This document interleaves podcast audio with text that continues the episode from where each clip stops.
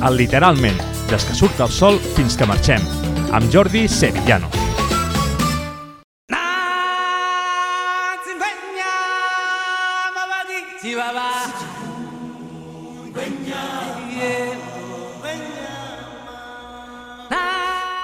Benvinguts i ben tornats a una temporada més de Literalment. Una temporada amb moltes sorpreses que anireu veient mm, durant la temporada. Però dir-vos que en el grup A no serà com era abans. I no us faré spoilers perquè aneu, ho aneu veient. Moltes gràcies per, per seguir-nos a, a Literalment i una temporada més. Moltes gràcies.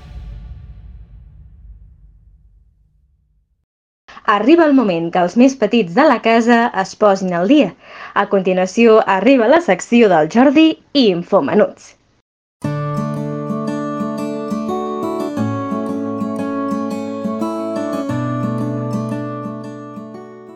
A la secció Infomenuts, cada programa eh, hablan notícies, però notícies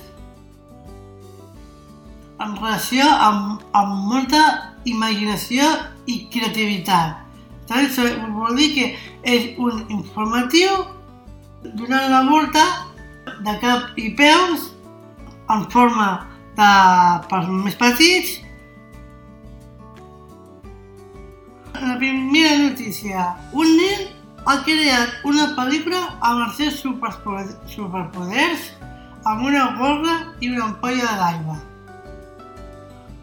El capità d'un vaixell s'emporta un cavall, una gallina i un gos a passar una vetllada amb el vaixell una nit de lluna plena. Un mercat ple d'emocions fa trencar una parella que tenen un animal verí caminant del carrer a casa seva. Una gallina ha creat un mòbil amb diferents tecles amb diferents tipus de colors d'ous. I un poble, tots units, fan esclatar a uns ous policies i els porten al cementiri perquè els enterren.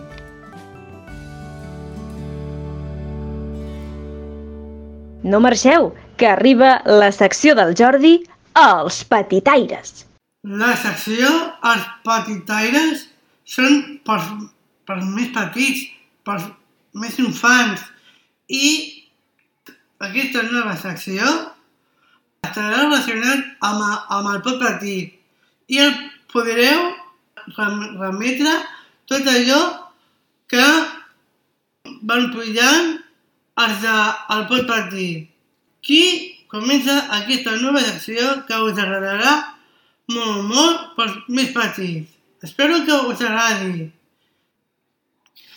I visca els petits i els infantils. Hi ha un lleó molt vergonyós que ni surt quan es fa fosc. Va tot el dia mirant al terra i té les galtes ben vermelles. Ja no fa els seus rugits, no vol moure ni un sol dit. La vergonya l'han ensupit i té ben preocupats els seus amics. Tigres i cavalls i hipopòtam i algun gall, tots reunits amb el lleó buscant una solució. Tigres i cavalls i hipopòtam i algun gall, tots reunits amb el lleó buscant una solució. Jo sóc el tigre i crec que el lleó ha d'ensenyar les urpes per estar molt millor. Ensenya les urpes, ar, ar, i això no ha funcionat. Tigres i cavalls i hipopòtam i algun gall, tots reunits amb el lleó buscant una solució. Tigres i cavalls i hipopòtam i algun gall, tots reunits amb el lleó buscant una solució.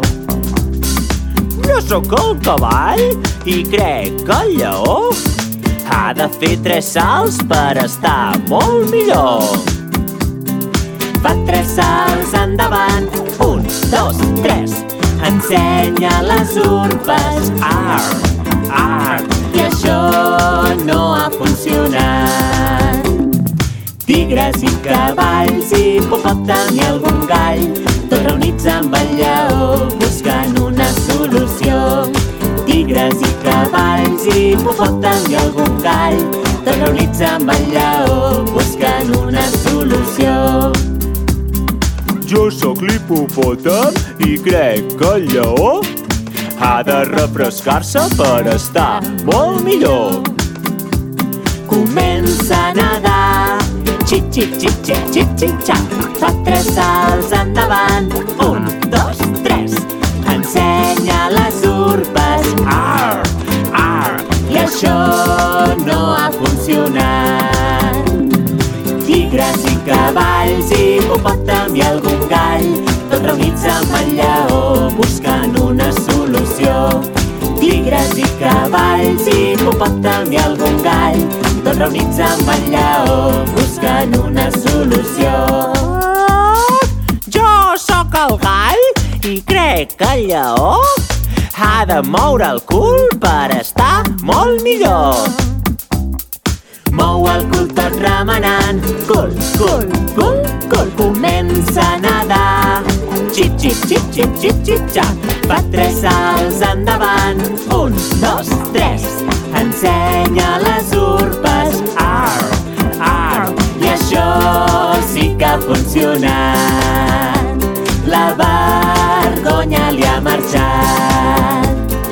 Això sí que ha funcionat. La vergonya li ha marxat. La vergonya li ha marxat. Arr! Moltes gràcies, amics!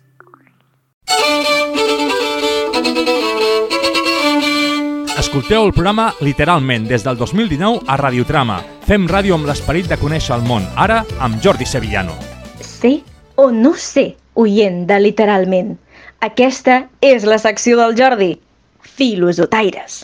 A la secció Filosotaires agafarem frases cèlebres sobre el tema dels nens i la, i la infància. I el que farem és agafar una frase d'aquestes frases cèlebres i posarem un exemple i l'explicació d'aquest exemple. I després, tot això i que s'entengui bé, amb un conte com a il·lustració perquè, perquè s'entengui de què va la secció. La, la frase es, enseña a los niños y será necesario castigar a los hombres. L'exemple és, respectem, respectem la natura. L'explicació, si les persones són educades a respectar el medi ambient, si les persones són educades a respectar el medi ambient, no se les haurà de multar quan ho facin. El conte il·lustrat és el que un nen de 10 anys està de vacances a la platja i veu a una parella que tiren papers a la platja. Li diu a la seva mare aquella parella ha tirat papers a la platja. El nen, sense dir res, se'n va a on, a on han tirat els papers. Els agafa sense dir res a la mare i se'n va a tirar-los a un contenidor, a, un a uns contenidors allà a prop. Comença a mirar els colors que hi ha i mira els cartells que diuen què diuen. Ho llegeix i decideix tirar-lo en el contenidor de color blau. En veure l'escena del nen, la gent de la plaça van quedar bocabadats. Quan va tornar a l'estrada de la seva mare, tothom el va apla- aplaudir i van donar les gràcies al nen per l'acte que va fer. Una vegada que, que va arribar amb la mare, ella va felicitar el seu fill. Gràcies, fill! Ets molt, ets molt educat i saps respectar el, el, el medi ambient. I el fill li diu, moltes gràcies! Acte seguit, el nen es dirigeix a aquella parella i els, i els li diu, heu de vigilar més pel medi ambient. Hem de respectar més el medi. I la parella, al·lucinada pel fet, li diu al nen, moltes gràcies! Tens tota, tens tota la raó. I ja no tornarem a fer-ho mai més. I el nen, més feliç i molt content, va donar una forta abraçada tant a la seva mare com a la parella. Si us agraden els clàssics de Disney, aquesta secció és per vosaltres. Arriba el Jordi amb Disney Peluts. A, la, a la secció Disney Peluts, els contes tradicionals els convertirem el que seria el dia a dia.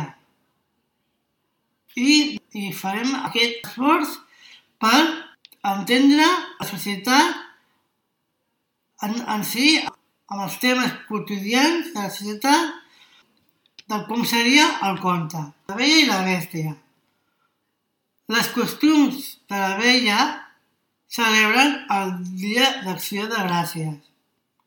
La vella i la bèstia són un matrimoni. Estan vinculats amb la, amb la religió i l'església. Són gais. La parella són molt honestos. Entre ells són molt respectuosos. S'estimen molt. El poble que viuen.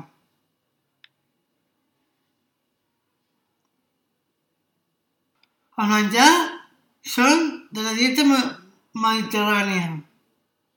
La seva bandera del seu, del seu país la lluiten per la seva pàtria.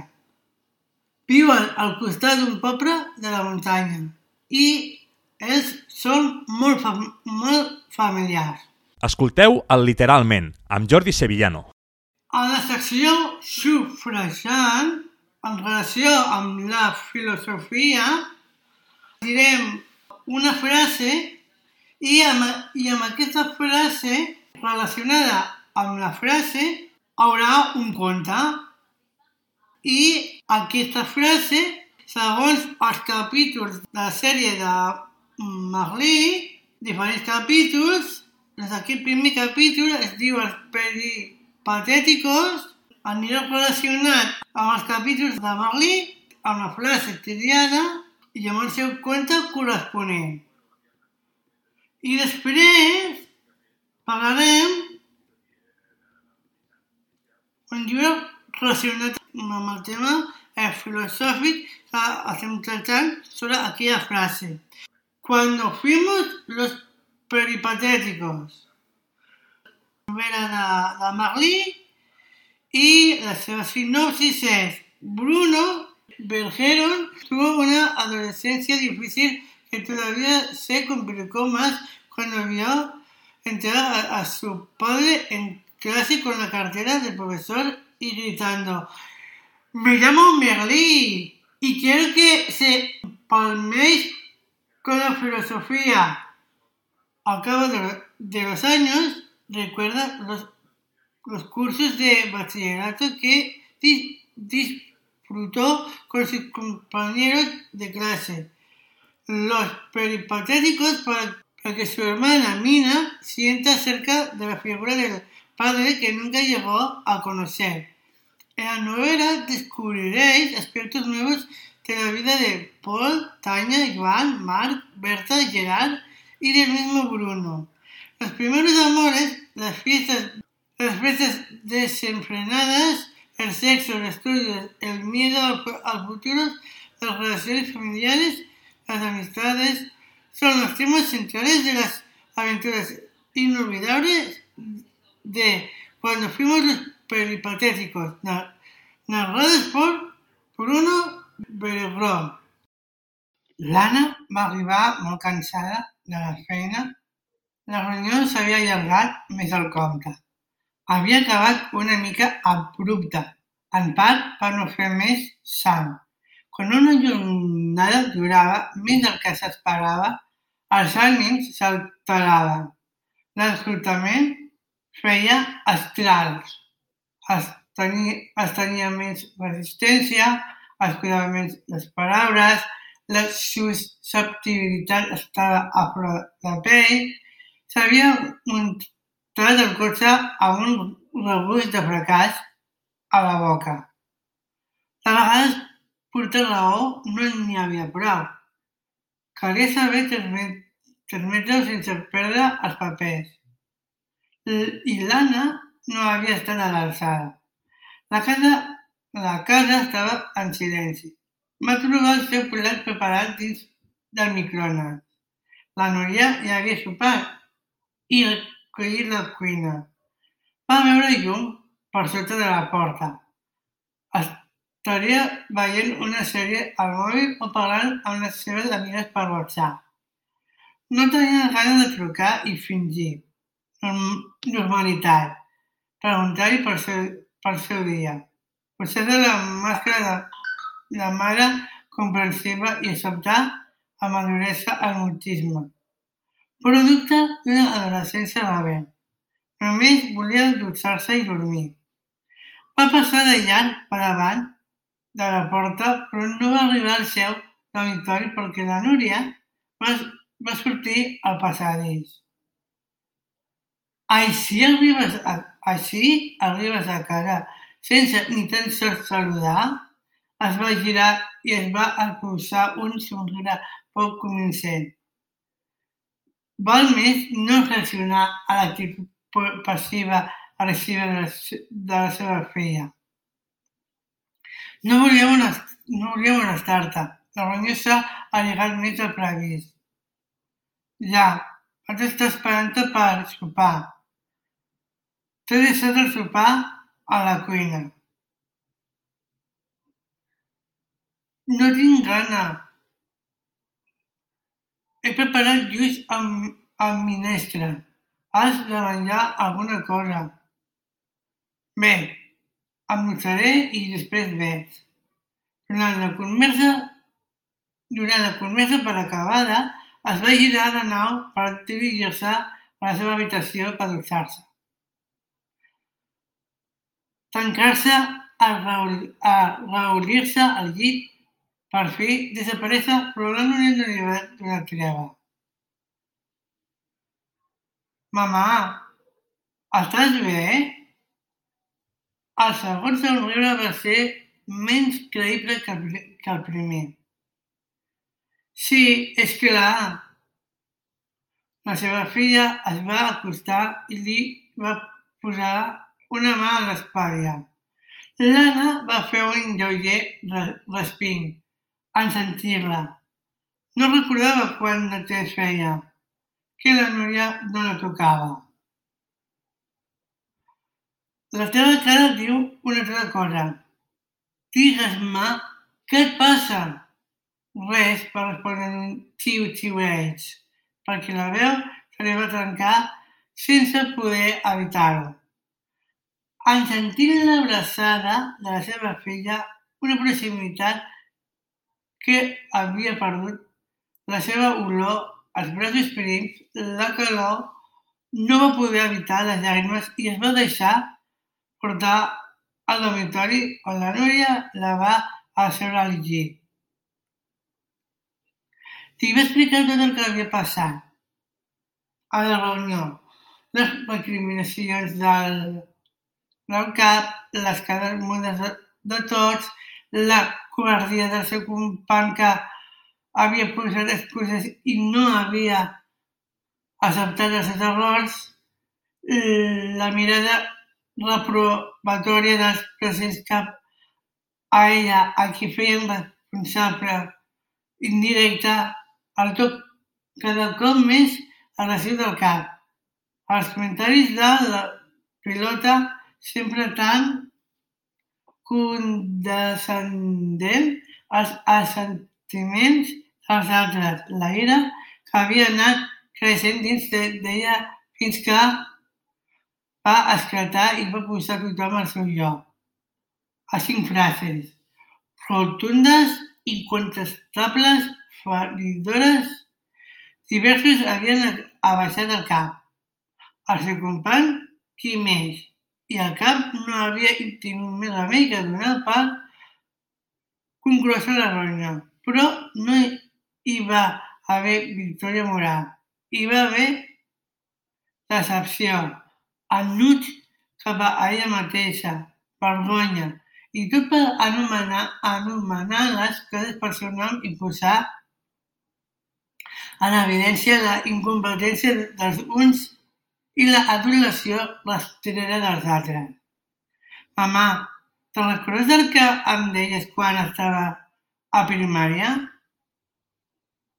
Jo venia eh, plorant de vegades perquè una nena no volia jugar a mi o no m'havia eh, convidat al seu aniversari i jo ho sentia com una tradició. Te'n recordes? Sí. I què em deies?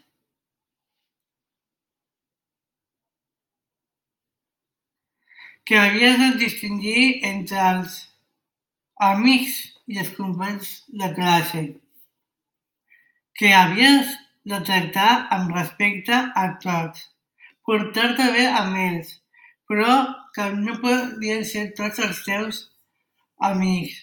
No, a la piscina passa el mateix. No són els teus amics. No són els teus amics. Són els teus companys de feina i si de vegades que t'agradi els colors, no, no et piquis per això. Que haguessin fet la feina. No et castiguis més, no s'ho mereixes. Va mirar la seva filla i va somriure, de forma espontània per primera vegada. Tenia raó. La Núria li va tornar a somriure i es va aixecar. Vinga, dutxa i, i t'acompanyo mentre, mentre sopar i escorcollem el teu cap una estona. Segueix tan gros com a les fotos que em vas ensenyar? Aquesta vegada el somriure es va convertir en rialla. Està, està més gros encara i va canviar. La topa afegir. Núria... Sí, gràcies, sí, gràcies per escoltar-me. Mamà, quantes vegades m'has sentit tu a mi explicar-te els, els, els, meus, els meus problemes? Uf, infinites. Doncs ja és hora que això canvi, no, Xemra? I es va dirigir, dirigir a la cuina sense esperar una resposta. Alerta, que arriba la secció del Jordi Contes narrats. A la secció eh, Contes narrats narrarem contes contes imaginatius, creatius i tots els valors que volem posar.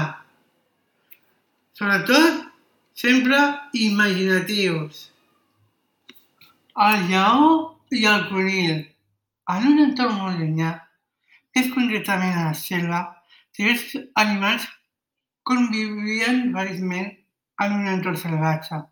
Però allà també hi vivia un lleó molt golafre, el rei de la selva, que acostumava a menjar-se entre 10 i 4 animals cada dia.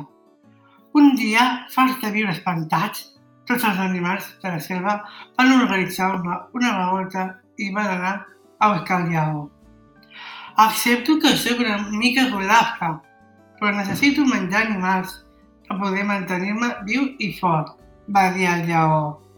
Els animals semblaven entendre el que deia el lleó, però no podien permetre per a tants amics cada dia. Doncs si és així, podries menjar-te només un animal al dia? va dir un cèrvol, que semblava una mica enfadat. El lleó va remugar una mica, però finalment va acceptar.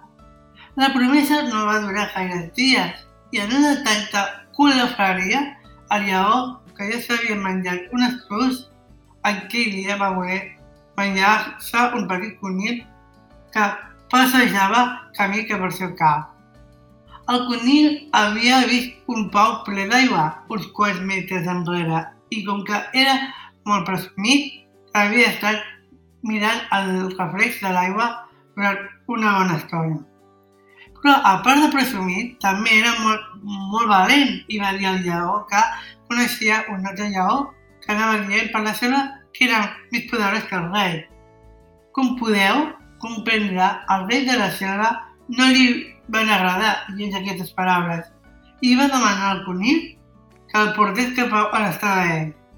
Van anar caminant i el conill va demanar al lleó que s'aturés davant del Pau. Assenyalant l'aigua del Pau, amb el dit li va dir «Mira, està aquí!» El lleó, en veure el seu propi reflex a l'aigua, va saltar sense pensar-ho. Dintre, dintre el Pau. Com que no sabia nedar, va intentar sortir del Pau, però no va poder i es va ofegar. Els animals de la selva van viure feliços fins que un altre lleó va autoproclamar-se rei de la selva. Almenys aquest no era tan colafre com l'altre i conta contat, conta que va.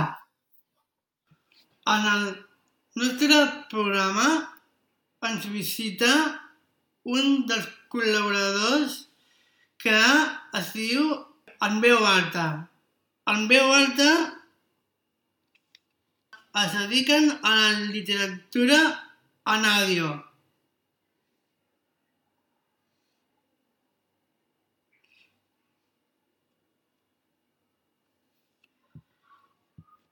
I eh, us presento qui són. Són la Maribel Gutiérrez, l'Anna Maria Longa i en Miquel Llovera. Tots tres molt aficionats a la literatura. La Maribel, filòloga i logopeda, en Miquel Piolak, professor de bioquímica de la Universitat de Barcelona, amb l'experiència en locucions, lluplatge, ràdio, veus de nou, docència, explica contes dels nostres fills i nets i amb moltes ganes i il·lusió per aquest projecte. L'Anna Maria, filòloga, professora de literatura de la Universitat de Barcelona, escriptora inestimable i imprescindible assessora, crítica, directora de màrqueting, comunicació i producció i activista literària de capçalera i una carrera de rapsodes cada cop més àmplia.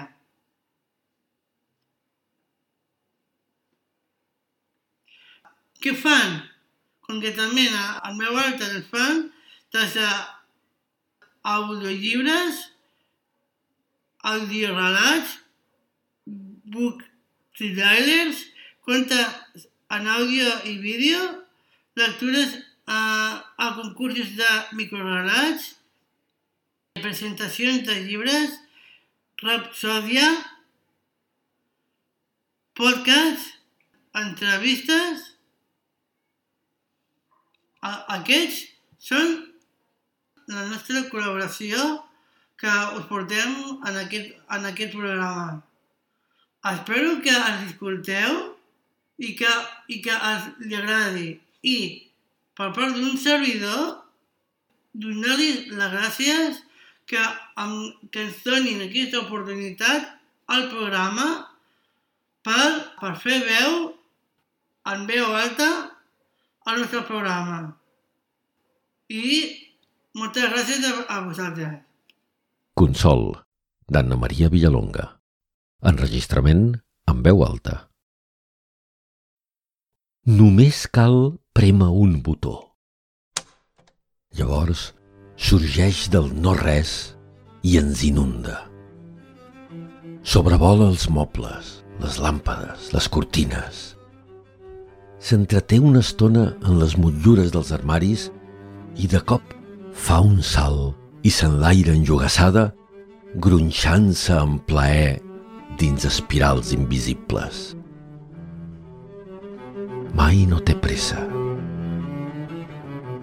Rebota contra el sostre i retorna. A voltes, entremaliada i juganera com una criatura. A voltes, solemne i greu com una reina.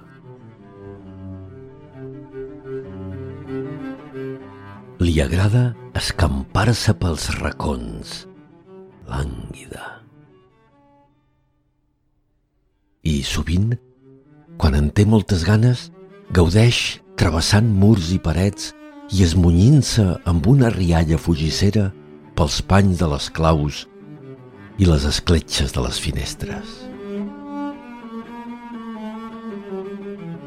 Mai ningú no ha pogut imitar-la mai ningú no l'ha vist.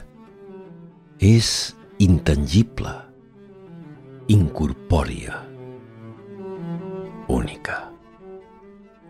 Al llarg dels segles, molts han estat els qui han intentat definir-la, però ha resultat en va. Un repte inassolible. Hi ha qui diu que és fum o aire, dolçor fortalesa, energia, un codi matemàtic. Hom ha escrit llibres per parlar-ne.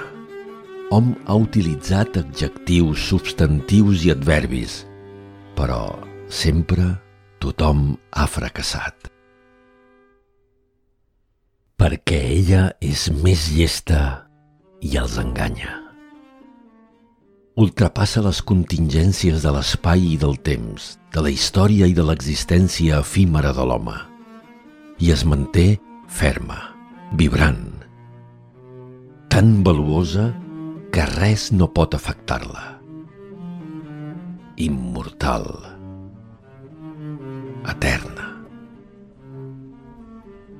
Quan arriba al més alt nivell de majestat, brillant com una estrella a l'antesala del cel, esdevé un bàlsam alliberador que s'escola furtivament, inadvertidament, sense que li ho demanis.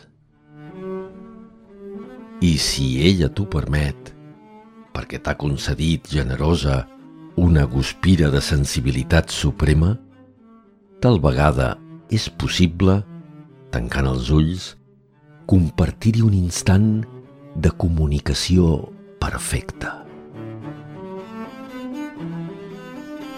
Alguns homes cèlebres l'han coneguda molt bé. Ella els ha triat i els ha fet famosos. Han treballat plegats per a tota la resta, per als pobres mortals capaços de copsar tan sols una petita engruna del seu valor incommensurable. Han treballat i han lluitat, però ha valgut la pena, perquè han estat els elegits i ella els ha regalat la llum, l'art de la creació, la vida. L'herència de la humanitat sencera, de la humanitat perduda i sola quelcom per compartir, per preservar, quelcom universal que alimenta l'esperit.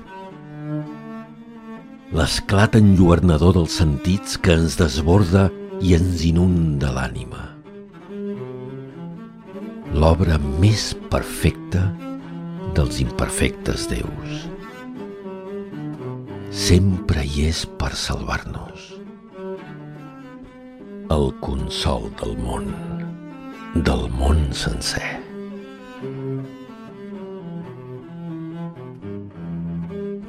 L'espai i el temps s'esvaeixen. Enmig de la foscor, res no té sentit fora de la nota plena d'un piano, el plany afligit d'un cello o l'acord sostingut, màgic, brillant d'un delicat violí.